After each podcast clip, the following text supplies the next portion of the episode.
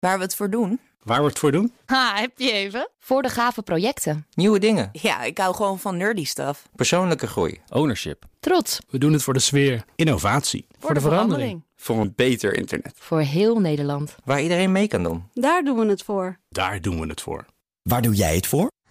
Kom werken voor KPN en groei op jouw manier. Check de actuele vacatures op het gebied van data, security, development en networking op jobs.kpn.com/tech.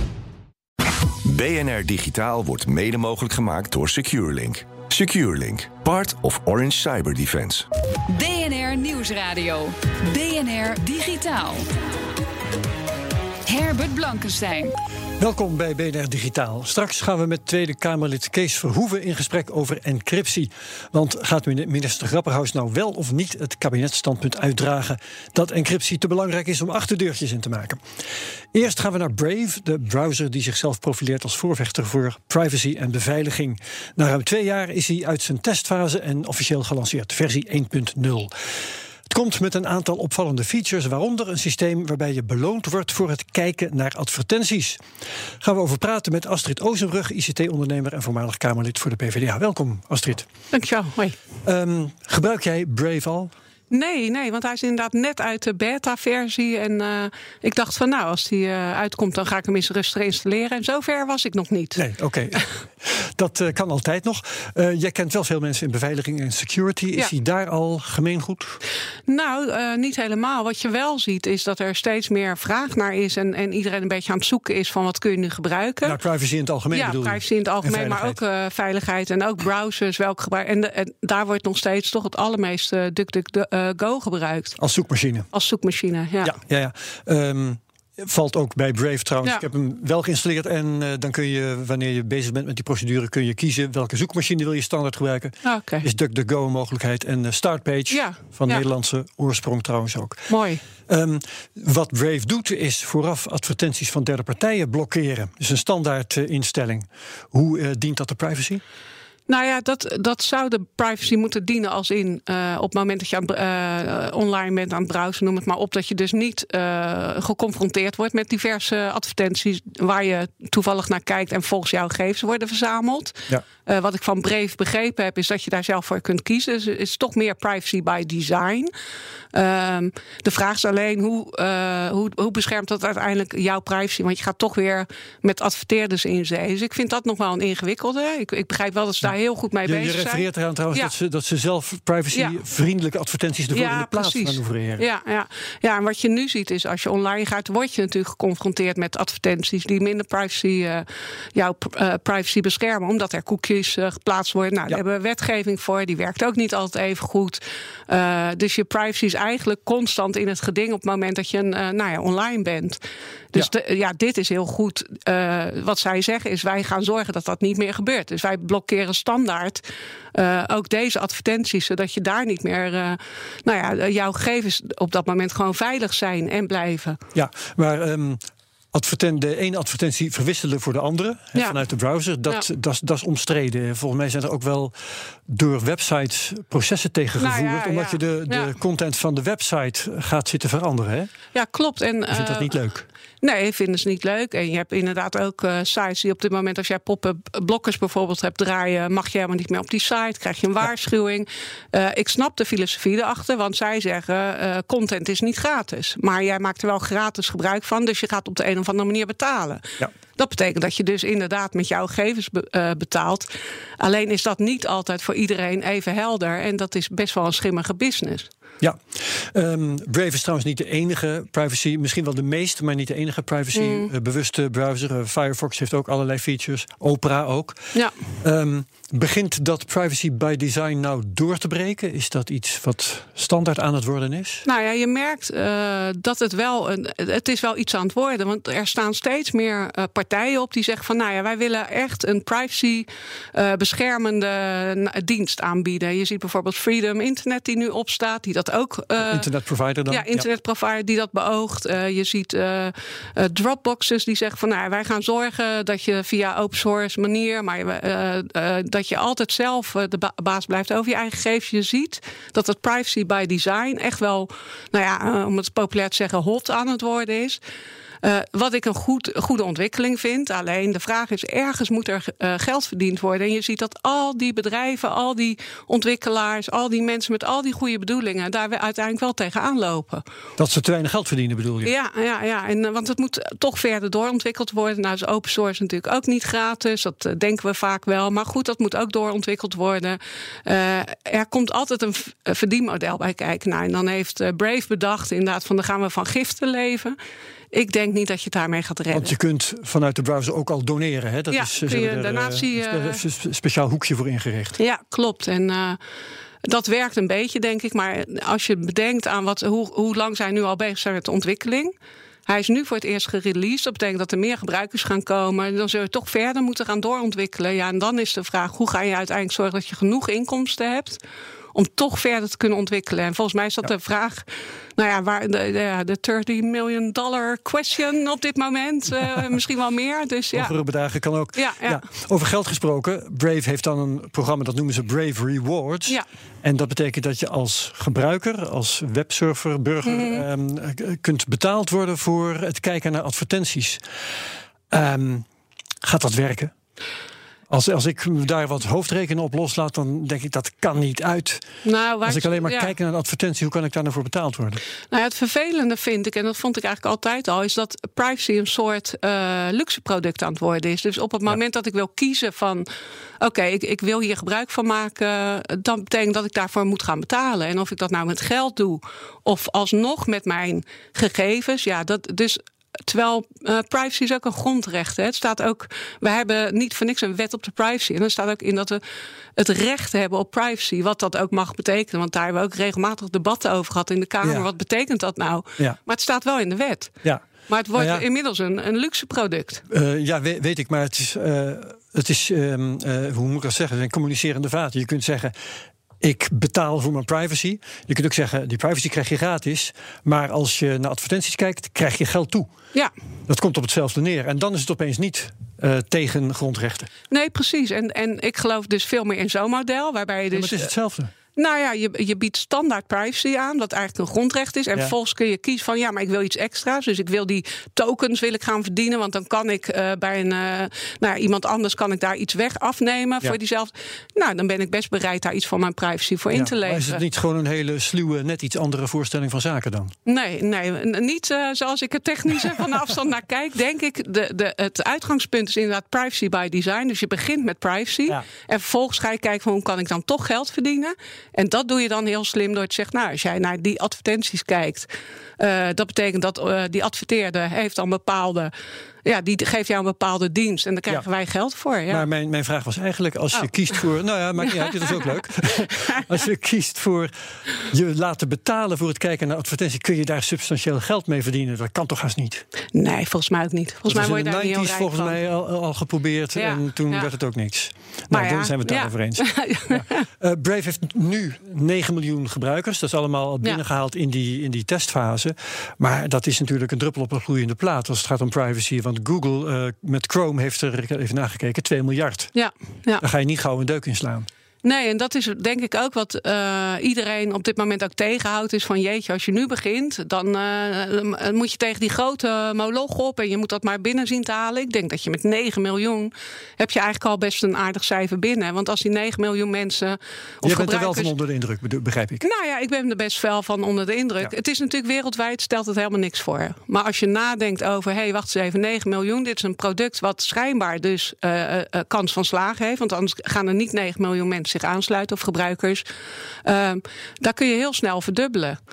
Ja. Als je, want ja, ik kende Brave een beetje van, nou oké, okay, het zit nog in de testfase, dus ik doe er niet zoveel mee. Het wordt voor mij nu interessant, omdat het uit de beta-fase is en het een echt werkend product ge geworden is, wat natuurlijk altijd in ontwikkeling blijft. Maar het heeft voor mij wel nu meer kans van slagen. Dus ja. ook ik ga het nu installeren. Ik ga het ook nu gebruiken en kijken van, nou ja, doet het wat het belooft? Ja, wat ik wel zie gebeuren als uh, Brave in de smaak valt of bepaalde features vallen in de smaak, mm. dan verschijnen die toch gewoon straks in, in Chrome en in Edge van Microsoft. En dan blijft Brave klein aan de ene kant. Aan de andere kant bereik je dan misschien toch wel je doel van betere privacy. Ja, maar ik denk dat je als je het niet doet, Uh, dan gebeurt er ook bij die andere partijen niks. Hetzelfde nee. zitten we op het open source gebied. Ja, Microsoft doet nu ook aan open source. Waarom? Niet omdat ze het zo leuk vonden ja. of heel graag wilden, maar omdat nee, maar... het meer een dwang werd. Dus, als als, ja. als uh, Brave klein blijft doordat Chrome en andere features overnemen die succesvol zijn.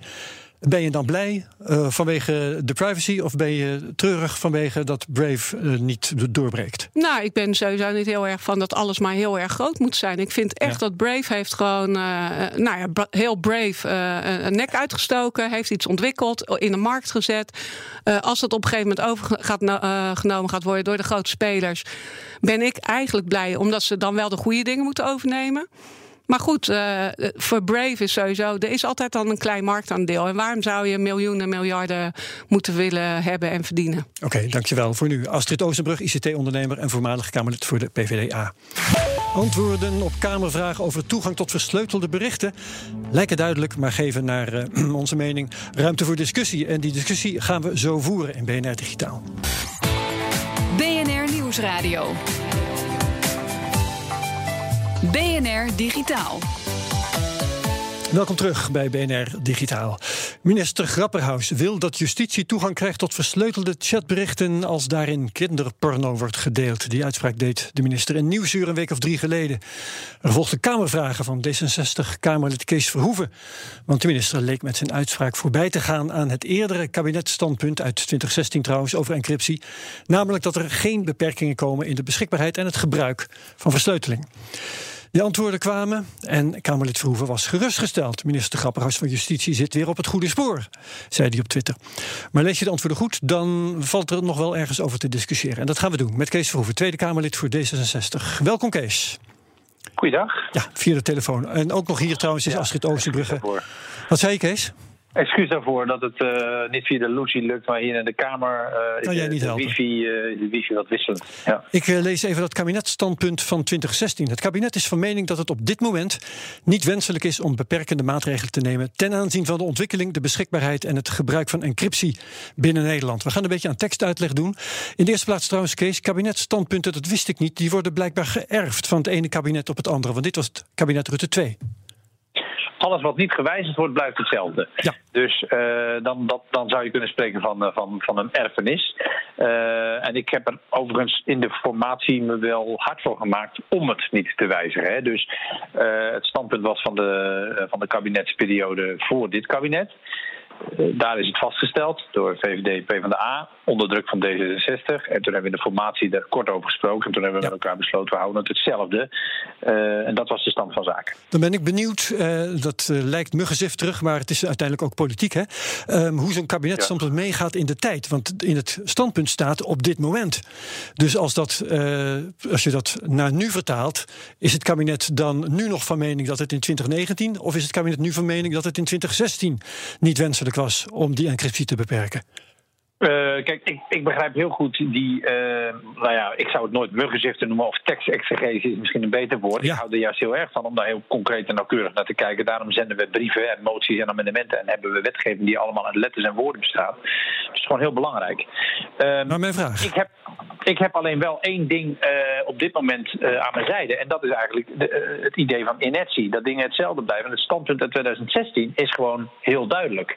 Het standpunt uit 2016 zegt dat we aan versterkte encryptie. Of dat we de, de, de, de, de achterdeurtjes of andere verzwakkingen niet gaan toepassen. Omdat encryptie van belang is voor de privécommunicatie van mensen. Ja. Dat de minister uh, uitspraken doet in een nieuwsprogramma, heeft mij ook zorgen gebaard. Daarom heb ik vragen gesteld, heb ik daar ook op gereageerd. Alleen Zullen we even dan die, de, de, dat, uh, die uitspraak van Grapperhaus erbij pakken? Ja, Hij ja. zei in Nieuwsuur, laten we nou voor eens en altijd wetgeving maken... waarin we een sleutelrecht hebben in die situaties... waar we verdachte transacties kunnen aantonen. Nou, als sleutelrecht, eh, ik pak een sleutel en kan bij die berichten... als dat een beperkende maatregel is... dan is dat in strijd met het kabinetstandpunt. Eens, Kees? Um, Want ja, het is een lange denkpauze is... alweer.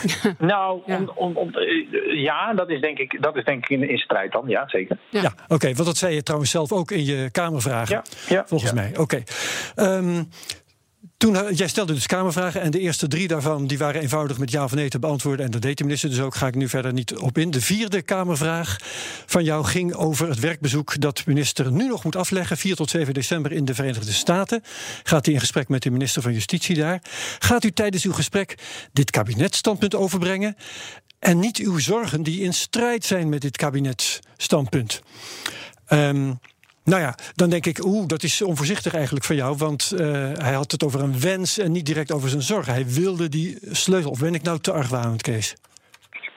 Nou, te argwanend ben je in dit geval niet snel. Uh, er is absoluut een gevoel bij uh, deze minister en misschien ook weer bij een partij als het CDA om te morrelen aan een aantal hele duidelijke rechtsstatelijke grondslagen uh, die te maken hebben met burgerrechten zoals privécommunicatie, privacy en de mogelijkheid om, om vrij en veilig te, kunnen, te kunnen communiceren zonder dat de overheid daarin komt. Ja. Dus ik heb wel zorgen bij de manier waarop het CDA en deze minister daarover denkt. En ik heb ook zorgen over de uitspraken die de minister gedaan heeft, maar die duidelijk in de richting gingen ver, uh, verder weg van het kabinetsstandpunt dan ik prettig zou vinden. Ja.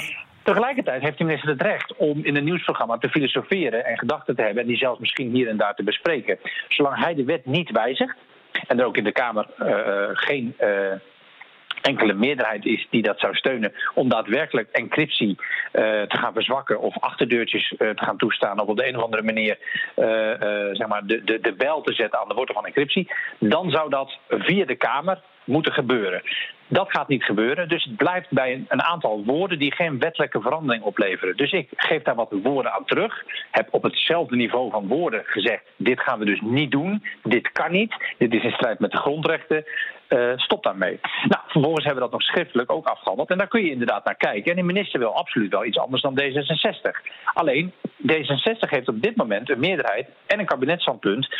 Uh, aan zijn zijde om, om, dit, uh, om het gewenste standpunt van sterke encryptie, sterke versleuteling, sterke privécommunicatie en de beveiliging ja. om dat uh, in stand te houden. Ja, maar op Twitter zei jij in feite dat de minister in zijn antwoorden zei: we gaan die encryptie inderdaad handhaven. En ik vraag me dat nog steeds af, want hij dook meteen in dat gat dat ik eigenlijk al aangaf: hè, dat hij, ja, mijn, mijn zorgen zijn helemaal niet in strijd met het kabinetstandpunt, zei hij meteen al. En een ander deel van zijn antwoord op die vierde vraag van jou. Ik zal de diverse betrokken belangen en de conclusie uit het kabinetstandpunt, bla bla bla, bla dus over die encryptie, zal ik um, onder de aandacht brengen daar in de Verenigde Staten. Um, ja, dat was een heel lang en wollig antwoord waarin volgens mij nog steeds niet stond. Uh, ik ga me alleen maar houden aan dat kabinetstandpunt dat uh, we encryptie handhaven. Kijk, absoluut. Maar uh, ik zie ook heus wel dat, er, dat, dat de, de, de minister het elastiek wat meer oprekt dan jij en ik zouden willen. Mm-hmm. Uh, maar uh, je moet uiteindelijk ook als controleur. de Kamer heeft drie taken: volksvertegenwoordiger, controleur van de regering en medewetgever. Ik ben hier in eerste instantie bezig als controleur van de regering. En ik zeg als controleur van de regering dat D66 en met mij een aantal partijen in de Tweede Kamer en zeker ook een heel groot deel van de deskundigen en ook van, van burgerrechtenorganisaties zeggen dit kan niet. Uh, dit is geen goede weg. Dit gaat geen grote verbetering van het aantal uh, boeven dat je vangt uh, opleveren. Dus doe het niet.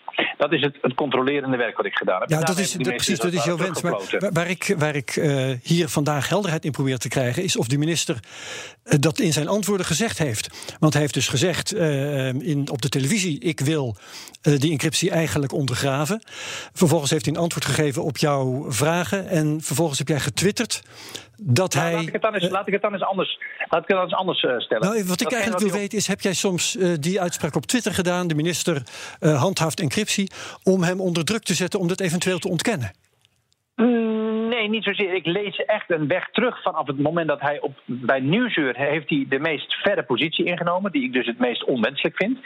Het antwoord op mijn vraag is alweer een stuk in de goede richting. En dat is de richting waarin we op dit moment ons bevinden, namelijk het kabinetsstandpunt 2016. Dus ik zie dat de minister het elastiek heeft opgerekt in de verkeerde richting. Daar ben ik op ingesprongen en heb daarop gereageerd. Heb daar zowel me over geuit als daar vragen over gesteld volgens de parlementaire procedures. Ja. De antwoorden zijn die Kamerbrief. Die Kamerbrief laat zien dat de minister heus nog wel een beetje borrelt en, en, en, en mompelt over de mogelijkheid om toch nog wat te doen aan het oprekken van. Maar hij is terug in zijn hok gekomen en heeft ook niet zoveel ruimte, heeft ook niet zoveel ruimte om iets te doen, want dat moet via wetgeving, via regelgeving, waar hij geen enkel initiatief toe neemt. Dus het is vooral ja. een beetje hardop filosoferen. Zelfs daarop heb ik hem aangesproken, hoewel er nog niks verandert. En ik probeer hem dus weer zoveel mogelijk terug te krijgen op dat kabinetsstandpunt. Oké. Maar hij zal nooit helemaal dezelfde mening hebben als ik. Dus hij zal gaatjes en ruimte blijven zoeken. Het is mijn taak om de ruimte te beperken. Om ervoor te zorgen dat hij niet een kant op gaat Ik die echt tot het. verandering leidt. Astrid Oosterbrug En dat wil is er hier iets zeggen. Oh ja, hoi. eh, ja, wat ik, Hoi. ah, hoi Kees.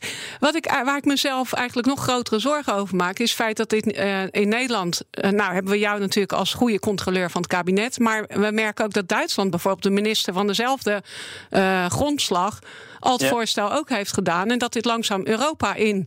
Komt. Denk jij dat we daar nog iets eh, kunnen tegenhouden? Want als er een Europese wet komt, hebben, hebben we dan nog wel iets als Nederlands parlement om daar tegen te strijden? Nou ja, kijk, eh, de- absoluut moeten we zorgen dat dit niet in, in, Europa eh, gaat gebeuren. En ik ben het met, met, met Astrid Oostenbrug eens eh, dat er eh, ook in het Verenigd Koninkrijk bijvoorbeeld echt wel heel veel bewegingen en druk zijn op encryptie. Eh, daar maken ze wel gewoon eh, stappen om de encryptie te verzwakken en achterdeurtjes in te bouwen in het kader van de, van de nationale veiligheid en de mogelijkheid voor de veiligheidsdiensten om te kunnen hacken, te kunnen inbreken op apparaten. Dus er is absoluut een verkeerde trend aan de gang. Maar dat zie je ook op het gebied van netneutra- netneutraliteit in de Verenigde Staten. Dat zie je op het gebied van het gebruiken van zero days eh, door veiligheidsdiensten. Dus er, is, er waait wel een gure wind op dit moment. Eh, eh, een surveillancewind waar we ons absoluut tegen moeten wapenen. Oké. Ehm, nou ja, als dus, dus ja, Duitsland, Verenigd Koninkrijk, Verenigd... D66 heeft gisteren daarover een pamflet uitgebracht. We moeten het al langzamerhand hierbij gaan laten, Kees. Het spijt me vreselijk. Dankjewel voor de uitgebreide toelichting op eh, dat encryptiestandpunt van het kabinet. En ook dank aan Astrid Oostenbrug, ICT-ondernemer, voormalig Kamerlid voor de PvdA. Terugluisteren van BNR Digitaal kan via bnr.nl, onze app, Apple Podcasts en alle andere podcasting-apps. En daar vind je ook mijn andere podcast met deze week in de technoloog Guido van Rossum over de programmeertaal Python die hij heeft bedacht. En in de Cryptocast, cryptoloog David Chom over Bitcoin en andere cryptocurrencies. Heel hartelijk bedankt voor de BNR Digitaal betreft en tot volgende week. Dag. Ook Thomas van Zeil vind je in de BNR-app. Je kunt live naar mij luisteren in Zaken doen. De BNR-app met breaking news. Het laatste zakelijke nieuws. En je vindt er alle BNR-podcasts. Bijvoorbeeld Het Nieuwe Geld. Download nu de gratis BNR-app en blijf scherp.